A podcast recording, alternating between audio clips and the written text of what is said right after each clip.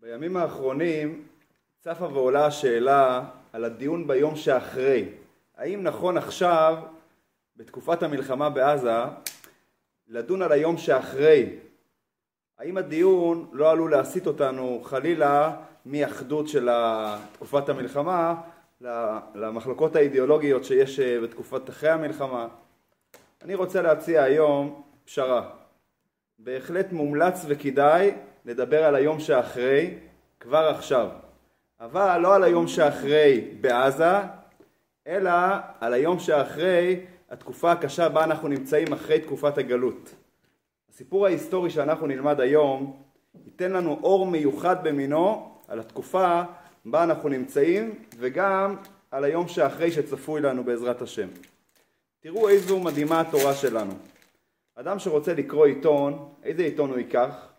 את העיתון של היום, כי העיתון של אתמול הוא כבר לא רלוונטי. אפילו היום החדשות של הבוקר כבר לא מעניינות אם הגיע הערב. זה כבר היסטוריה, זה כבר לא מעניין. פרשיות השבוע, אנחנו קוראים היום פרשה שעוסקת בסיפורים שלפני אלפי שנים והן אקטואליות בצורה נפלאה ביותר. אנחנו קוראים בפרשיות הללו איך עם ישראל צועק על קושי הגלות, על האכזריות הנוראה של המצרים ואנחנו מזדהים עם כל מילה, עם הגלות הקשה, עם האכזריות הנוראה. אנחנו קוראים איך משה רבנו פונה לאלוקים בטענה מעומק הלב, אומר לו למה הריאות על העם הזה? למה לעם ישראל יש גלות קשה כל כך? ואנחנו מזדהים עם כל מילה? למה אלוקים עושה לנו את כל הצרות האלה שאנחנו נמצאים בהם היום? הסיפורים של התורה מעבירים את התחושה שלנו ממש אה, העכשווית. אנחנו קוראים את הסיפור של גלות וגאולת מצרים ואנחנו מקבלים חדשות אקטואליות, איך אומרים, אקטואליות אה, יותר מתמיד. אבל זה לא סתם חדשות. אם נתעמק בסיפור נגלה שזה לא סתם חדשות אלא חדשות אופטימיות, חדשות מעודדות, במיוחד לתקופה שלנו כיום וגם לתקופה שממתינה לנו ביום שאחרי בעזרת השם. היום בשיעור נדבר על סיפור גלות וגאולת מצרים. במשקפיים אקטואליות. נתרגם את הטענות של משה רבנו לשאלות הקשות שעלו בתקופתו, לתקופה שלנו כיום. נדבר על התשובה של אלוקים למשה ונתרגם אותה גם לשפה שלנו היום בתקופה הלא פשוטה שבה אנחנו נמצאים. וככה אנחנו נוכל ללמוד גם על הסיפור של היום שאחרי. בפרשת קריאת שמע אנחנו אומרים את המילים האלה: והיו הדברים האלה אשר אנוכי מצווך היום. היום. מה הפירוש אשר אנוכי מצווך היום? הרי הדברים נאמרו במתן תורה לפני 3,336 שנים. מה הפירוש אשר אנוכי מצווך היום? אז הכוונה של הפסוק שבכל יום עלינו ללמוד את הדברים כאילו, היום. כאילו קרו היום. כפי שרש"י מביא את המדרש, רש"י מביא שבכל יום יהיו בעיניך כחדשים, הוא מביא מדרש שאומר שלא יהיו בעיניך כדיוטגמה ישנה. מה זה דיוטגמה ישנה? זה ציווי המלך עתיק, שהוא לא רלוונטי, שאנשים לא מתעניינים בו, אלא כמו דיוטגמה חדשה, שהכל רצים לקראתה, מגיע איזה צו חדש של המלך, כולם רצים לקרוא מה כתוב שמה, אז כך יהודי צריך ללמוד את התורה, לא כאילו זה קרה פעם סיפור עתיק, אלא סיפור שהוא רלוונטי היום. זה אמור לגבי כל הדברים בתורה, כל מצווה בתורה, כל מילה בתורה. אבל הסיפור שאנחנו נדבר עליו היום, סיפור יציאת מצרים, סיפור גלות מצרים, כאן יש מצווה שאותה באופן מיוחד צריך ללמוד בצורה אקטואלית. סיפור גלות וגאולת מצרים התרחש לפני כמה זמן? 3,336 שנים. אמרתי את זה קודם לגבי מתן תורה, אבל זה היה באותו זמן. למרות זאת, יש לנו חובה לזכור תמיד את הסיפור ההיסטורי הזה. כך כתוב בתורה, למען תזכור את יום צאתך מארץ מצרים כל ימי חייך. בהגדה של פסח אנחנו קוראים את המשפט הזה של הפסוק ואנחנו מביאים את הדרשה של בן זומא. מה הוא אומר? למה כתוב למען תזכור את יום צאתך כל ימי חייך? אז הוא אומר כך, ימי חייך הימים, כל ימי חייך להביא הלילות. שהחובה לזכור היא לא רק בימים אלא גם בלילות. כך אנחנו באמת נוהגים כל uh, יום, קוראים קריאת שמע, בבוקר ובערב, בשוכבך ובקומך. ומה אנחנו אומרים בקריאת שמע?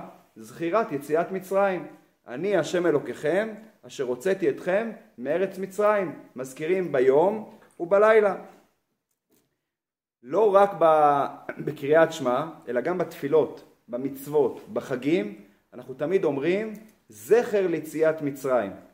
יש הרבה מצוות שקשורות ליציאת מצרים. כלומר, יציאת מצרים, הסיפור הזה הוא דבר שתופס מקום מרכזי ביותר במצוות, בחגים, בתפילות וביום יום של עם ישראל. וכאן נשאלת השאלה, למה? למה כל כך חשוב להזכיר כל יום ובהרבה מצוות ובתפילות ובחגים את סיפור יציאת מצרים שקרה לפני אלפי שנים? למה זה כל כך חשוב היום? שמעתי לאחרונה ממישהו שהוא אמר לי ככה תובנה מאוד ככה קשה, קשה לשמיעה.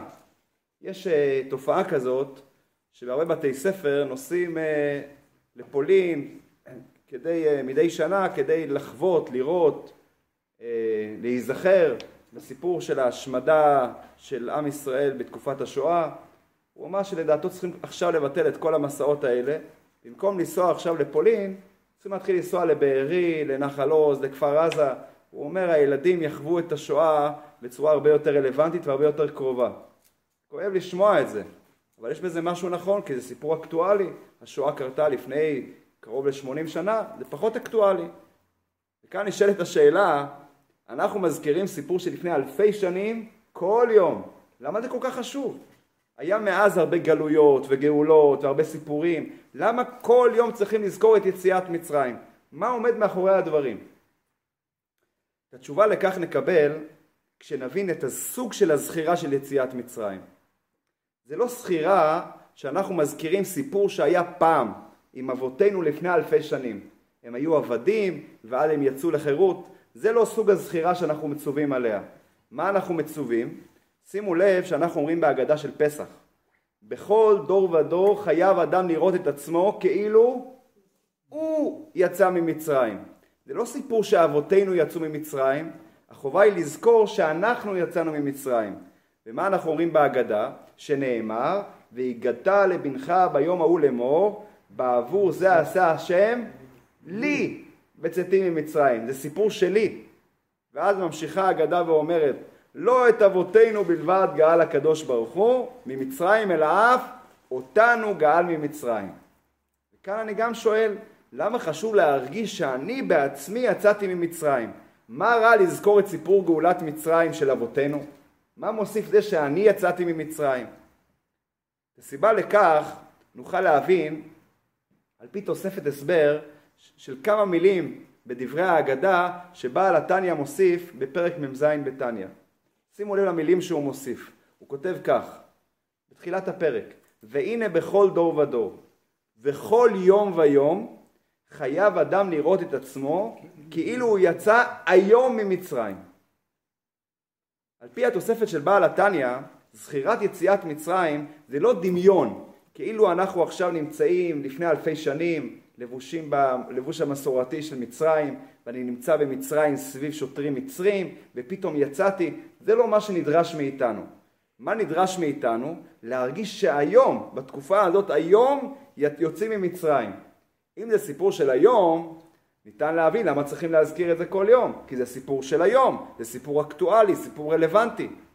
הסיפור של גלות מצרים מספר לנו על הגלות של היום, והסיפור של גאולת מצרים מספר לנו על התקווה לגאולה שלנו כיום.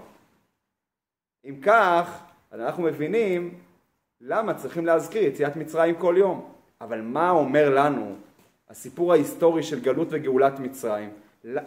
איך זה מעודד אותנו? מה זה בא להגיד לנו? מה המסר היום בימים האלה? אז שימו לב לדיוק מעניין במילים של התורה לגבי מצרים.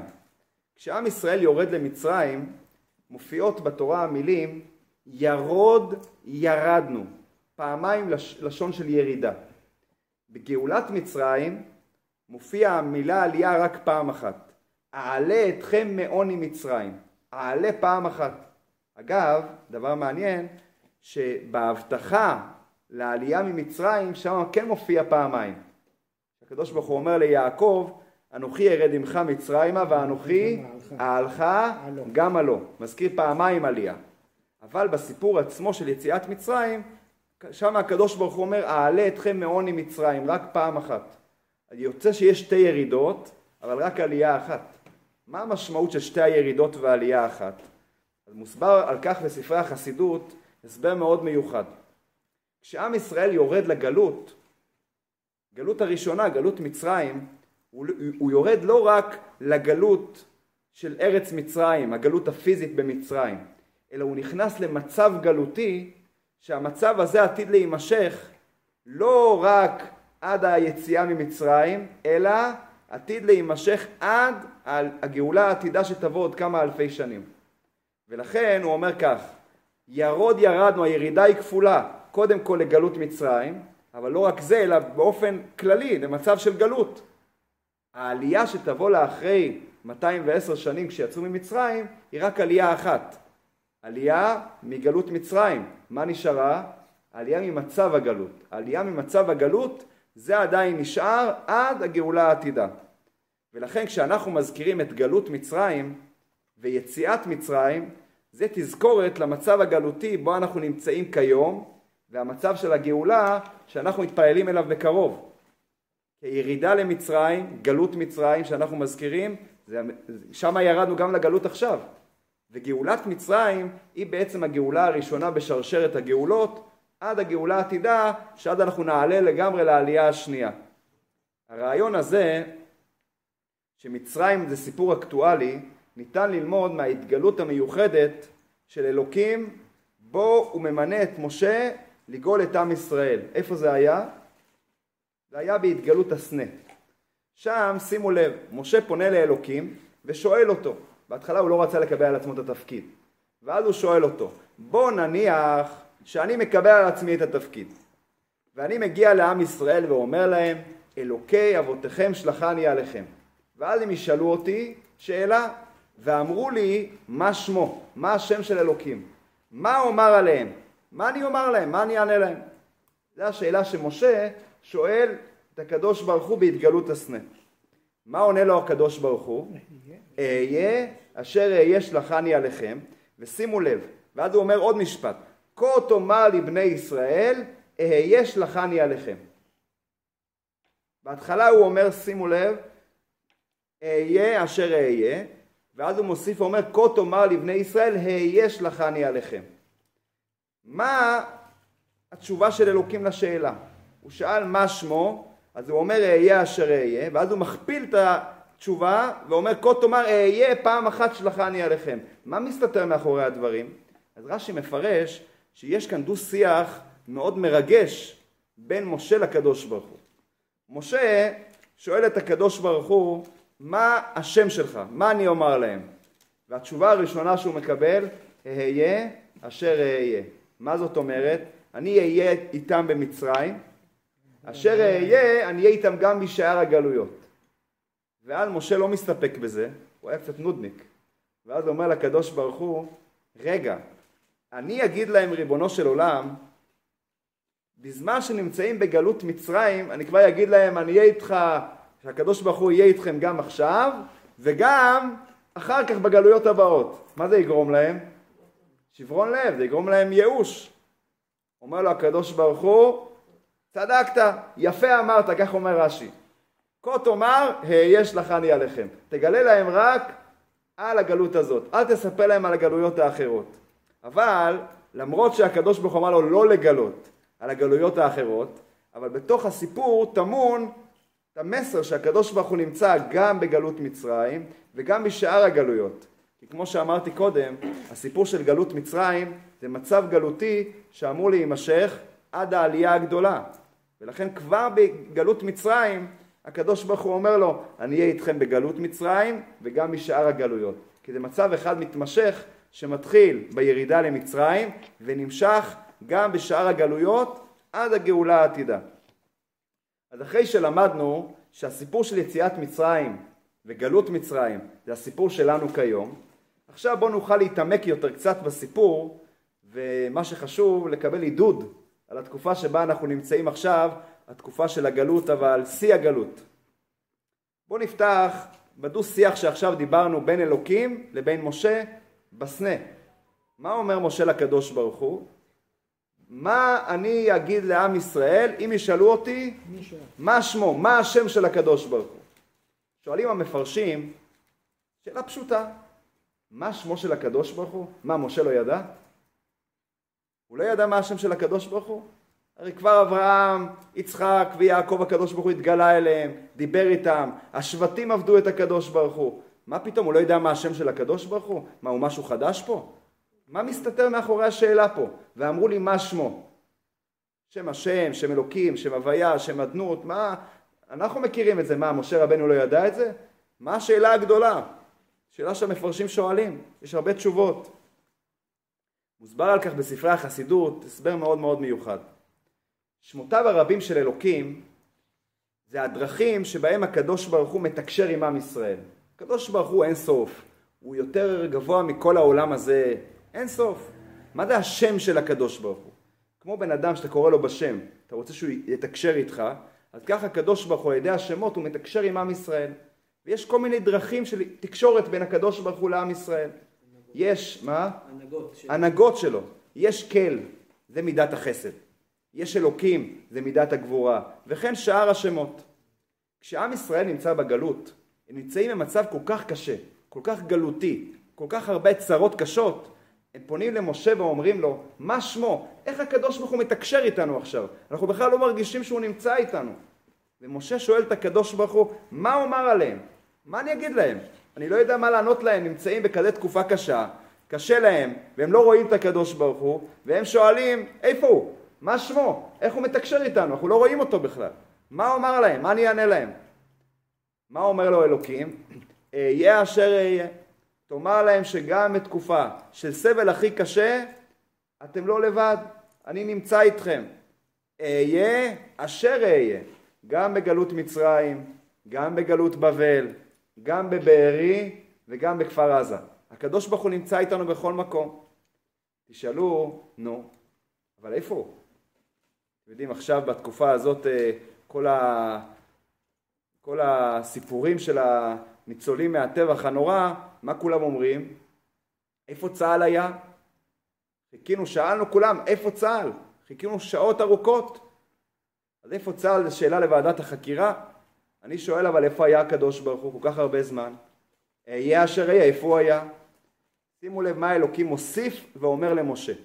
ויאמר עוד אלוקים אל משה בהמשך המשפט כה תאמר אל בני ישראל השם אלוקי אבותיכם שלחני עליכם זה שמי לעולם וזה זכרי לדור דור. המילה לעולם, זה שמי לעולם, היא כתובה חסרה האות ו'. זה שמי לעולם בלי ו'. אומר ככה תלמוד במסכת פסחים, ששמו של אלוקים נעלם, הוא מסתתר. הקדוש ברוך הוא אומר למשה רבנו, תאמר להם, לא התרחשה שום פשלה, שום דבר לא חמק מתחת לרדאר, אני נמצא איתכם למרות ששמי נעלם ומסתתר. זה שמי, הוא קיים אבל לעולם, הוא מסתתר. כמה הדברים רלוונטיים ואקטואליים היום, זה ממש חדשות טריות מהתנור, זה לא חדשות של פעם, זה חדשות של היום. זה שמי לעולם, הוא נמצא איתנו, אבל הוא מסתתר. אבל משה רבנו, כמו מנהיג שדואג לעם שלו, יוצא למשימה, ואז, לצערנו הרב, הוא מקבל את הבשורות הקשות שרק פרעה לא רק התחיל אה, להקשיב משהו לדברים של משה, אלא התחיל לעשות יותר רע לעם הזה. ואז משה מגיע בתלונה לקדוש ברוך הוא מעומק הלב, והוא אומר לו, למה הרעות על העם הזה? למה זה שלחתני?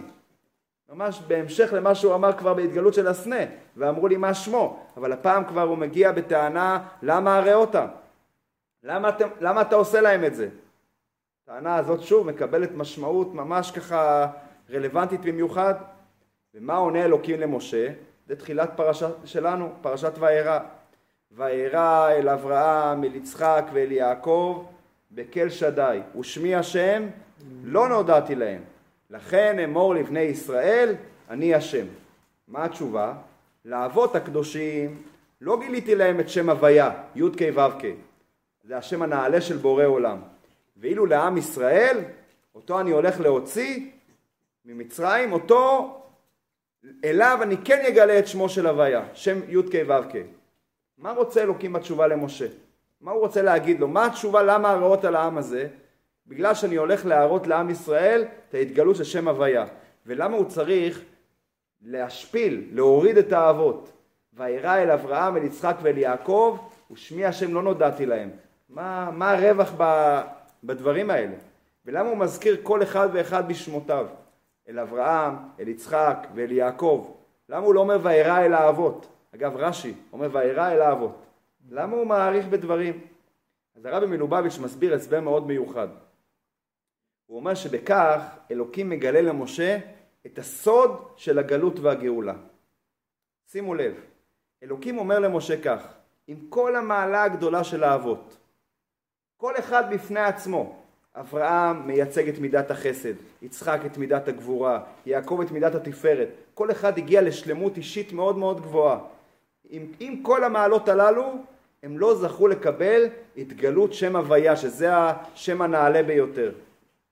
עם ישראל, ודווקא עם ישראל, אחרי גלות מצרים, הם כן יזכו לקבל, לקבל את ההתגלות של שם הוויה. מתי, מתי הם יזכו? מתן תורה. איך נפתח מתן תורה? אנוכי השם אלוקיך. שם הקדוש ברוך הוא גילה, ושיא ההתגלות תהיה בגאולה העתידה. זה התשובה של אלוקים למשה. וכאן נשאלת השאלה, מה הסיבה באמת להבדל בין הבנים לבין האבות? איך יכול להיות שהאבות הקדושים, שעליהם אמרו חכמינו, האבות הם אם המרכבה. מה פירוש האם המרכבה? כמו רכב, שהוא בטל לגמרי לרוכב בו, נכון? מה שהרוכב אומר לרכב לעשות הוא עושה, תפנה ימינה הוא פונה ימינה, תפנה שמאלה הוא פונה שמאלה. אוי ואבוי לרכב שלא מקשיב לרוכב, לנהג. אז כך האבות הקדושים היו בביטול מוחלט לקדוש ברוך הוא. מה שהוא אומר להם הם עושים. דרגה מאוד מאוד גבוהה. האבות הם המרכבה. הם לא זכו. ואנחנו כן נזכה? איך יכול להיות? מה ההיגיון מאחורי הדברים? וירא אל אברהם אל יצחק ואל יעקב ושמי השם לא נודעתי להם לכן אמור לבני ישראל אני השם מה ההיגיון מאחורי הדברים? נבין את זה בעזרת משל יפה כמה אדם יכול לקפוץ מהקרקע כלפי מעלה? בואו נלך מיד על השיא. מה השיא של קפיצה מהקרקע כלפי מעלה? אז אני לא כל כך בקיא בתחום הזה, תחום האתלטיקה. לא, לא, אז אני שמעתי שאמרו לי באחד השיעורים שהשיא זה 2.42. כן, כן? או, כן. יפה. בלי מוד זה בלי מוד. 2.42 מטר. עכשיו אני שואל אתכם שאלה פשוטה. כמה אדם עולה במעלית? כמה עשרות מטרים. וכמה אדם עולה עם מטוס? כמה אלפי מטרים. כמה עולה עם חללית? כמה מיליוני מטרים. אז אני שואל שאלה פשוטה, מה ההתלהבות הגדולה שהאדם קפץ 2.40, 2.42, כל העולם סופר את, השני, את הסנטימטרים, עוד סנטימטר, עוד סנטימטר, הנה האדם עולה במעלית הרבה, עולה במטוס, עולה, ב, עולה בחללית, מה ההתרגשות מכמה מטרים? כמובן זו תשובה פשוטה, מה התשובה היא? אדם בכוחות עצמו, הוא יכול להגיע רק לכמה מטרים בודדים. בכוחות אה, חיצוניים הוא יכול להגיע לגבהים שונים לגמרי. אז זה המשל, מה הנמשל? האבות, עם כל המעלה הגדולה שלהם, הם קפצו לגובה השיא של השלמות של נברא. השיא של השלמות שבן אנוש יכול לבוא. אבל כמה הם יכולים לבוא? כמה הם יכולים לקפוץ? אז זה עדיין מוגבל, וכוח אפסי לעומת מה שאפשר לקפוץ על ידי כוח חיצוני, על ידי שהקדוש ברוך הוא מרים אותך. זה הסוד של הגלות והגאולה. כדי שאלוקים ירים אותנו לגובה האדיר הזה, כאן אנחנו צריכים עזרה חיצונית. אנחנו לא יכולים להגיע לגובה כזה, שמי השם. זה אי אפשר להגיע בכוחות עצמנו. לכן הוא אומר, וירא אל אברהם, אל יצחק ואל יעקב, הם באמת היו מושלמים. אבל הם הגיעו רק לקל שדי, שהשם הזה מורה שאמרתי לעולמי די. זה שם שהוא מוגבל לפי ערך העולם. באמת הגיעו לגבהים מיוחדים. אבל זה עדיין מוגבל. לעומת זאת, אצלכם, כשאתם תקבלו את הכוח שלי, את הכוח העוצמתי החיצוני, אז אתם יכולים להגיע לגבהים אחרים לגמרי. וזה מה שאלוקים אומר למשה. זה המטרה של גלות מצרים. כדי שאני אצליח להביא את עם ישראל לכוח החיצוני וה, והנעלה הזה, הם צריכים לעבור את המשוכה של מצרים, את הזיכוך של מצרים, את הזיכוך בגלות. וזה הוא אומר גם במעמד הסנה, בהוציאך את העם ממצרים, תעבדון את האלוקים על ההר הזה. המטרה של יציאת מצרים היא כדי להגיע להתגלות הגבוהה, ובשביל זה אנחנו צריכים לעבור את התהליך של גלות מצרים. אז כשאנחנו מזכירים בכל יום את סיפור יציאת מצרים, אנחנו צריכים לזכור שזה סיפור שלנו. הסיפור של התקופה הקשה, הגלות הקשה בה אנחנו נמצאים. אנחנו צריכים לזכור כבר היום שמצפה לנו היום שאחרי, שזה הגאולה העתידה. והמטרה של הגלות הקשה הזאת זה כדי שנהיה ראויים ומוכנים לגלות, לגאולה הגדולה הזאת שתבוא. זה הגאולה השנייה. דיברנו על הירידה, שתי הירידות. ירוד ירדנו, עלינו רק אחד. אז אנחנו מצפים שעל ידי הגלות הארוכה הזו אנחנו נגיע בקרוב לעלייה הגדולה שזה העלייה של הגאולה העתידה. כדי לתת לך רק אה, נקודה לסיום שהיא מאוד חשובה, אפשר להשתמע מהדברים, נו עוד קצת גלות, עוד קצת קושי. איך אומרים, עוד, ככה נגיע לג, לגאולה הגדולה עוד יותר. אז יש סיפור יפה, משל שאמר הרבי מרוז'ין, משל ככה שממחיש לנו את שתי הקצוות הייתי אומר. מצד אחד ההבנה בצורך של הגלות, מצד שני הציפייה לגאולה כמה שיותר מהר. וזה המשל של הרבי מרוז'ין. אומר ככה, למשל קצת מצחיק, אבל עם הרבה מוסר השכל. הוא אומר, מעשה בכפרי פשוט. שהגיע לראש השנה לעיר הסמוכה, הוא לא ידע קרוא וכתוב, הוא לא ידע להתפלל. הוא מגיע לבית הכנסת, הוא מסתכל מה אנשים עושים מסביב, והוא מנסה לקלוט מה הולך. הוא לא יודע קרוא וכתוב, לא יודע כלום. הוא מגיע באמצע התפילה, יושב, הוא רואה שאנשים נעמדים לתפילת שמונה עשרה, הוא נעמד, פתאום הוא רואה שאנשים בתפילה, תפילת שמונה עשרה מתחילים לבכות. הוא אומר לעצמו, למה מתחילים לבכות? מה קרה? לא היה פה שום מריבה, לא היה פה מחלוקת, לא היה פה איזה ויכוח, לא היה פה איזה פגיעה, למה אנשים בוכים? חושב לעצמו בראש של כפרי ככה מגושם, אומר כנראה שהם מאוד רעבים ולכן הם אומרים לעצמם תפילה נמשכת ונמשכת, מה יהיה? אנשים רעבים, מתחילים לבכות. הסתיימה תפילת שמונה עשרה ואנשים הפסיקו לבכות. ולמה הפסיקו לבכות? הוא כבר גם התחיל לבכות, כבר גם נזכר על האוכל שיש לו. ולמה הפסיקו לבכות? ואז הוא אומר לעצמו, כנראה על האש הם שמו חתיכת בשר. חתיכת בשר היא שמנה, ולכן בהתחלה הם הצטערו שהם רעבים, אבל אז, אז הם נזכרו שככל שהבשר יתבשל זמן רב יותר, אז יהיה יותר טוב, יהיה יותר טעים, לכן הם הפסיקו לבכות. ואז הגיעו התקיעות, ואנשים שוב התחילו לבכות. הוא אומר לעצמו, מה הולך פה?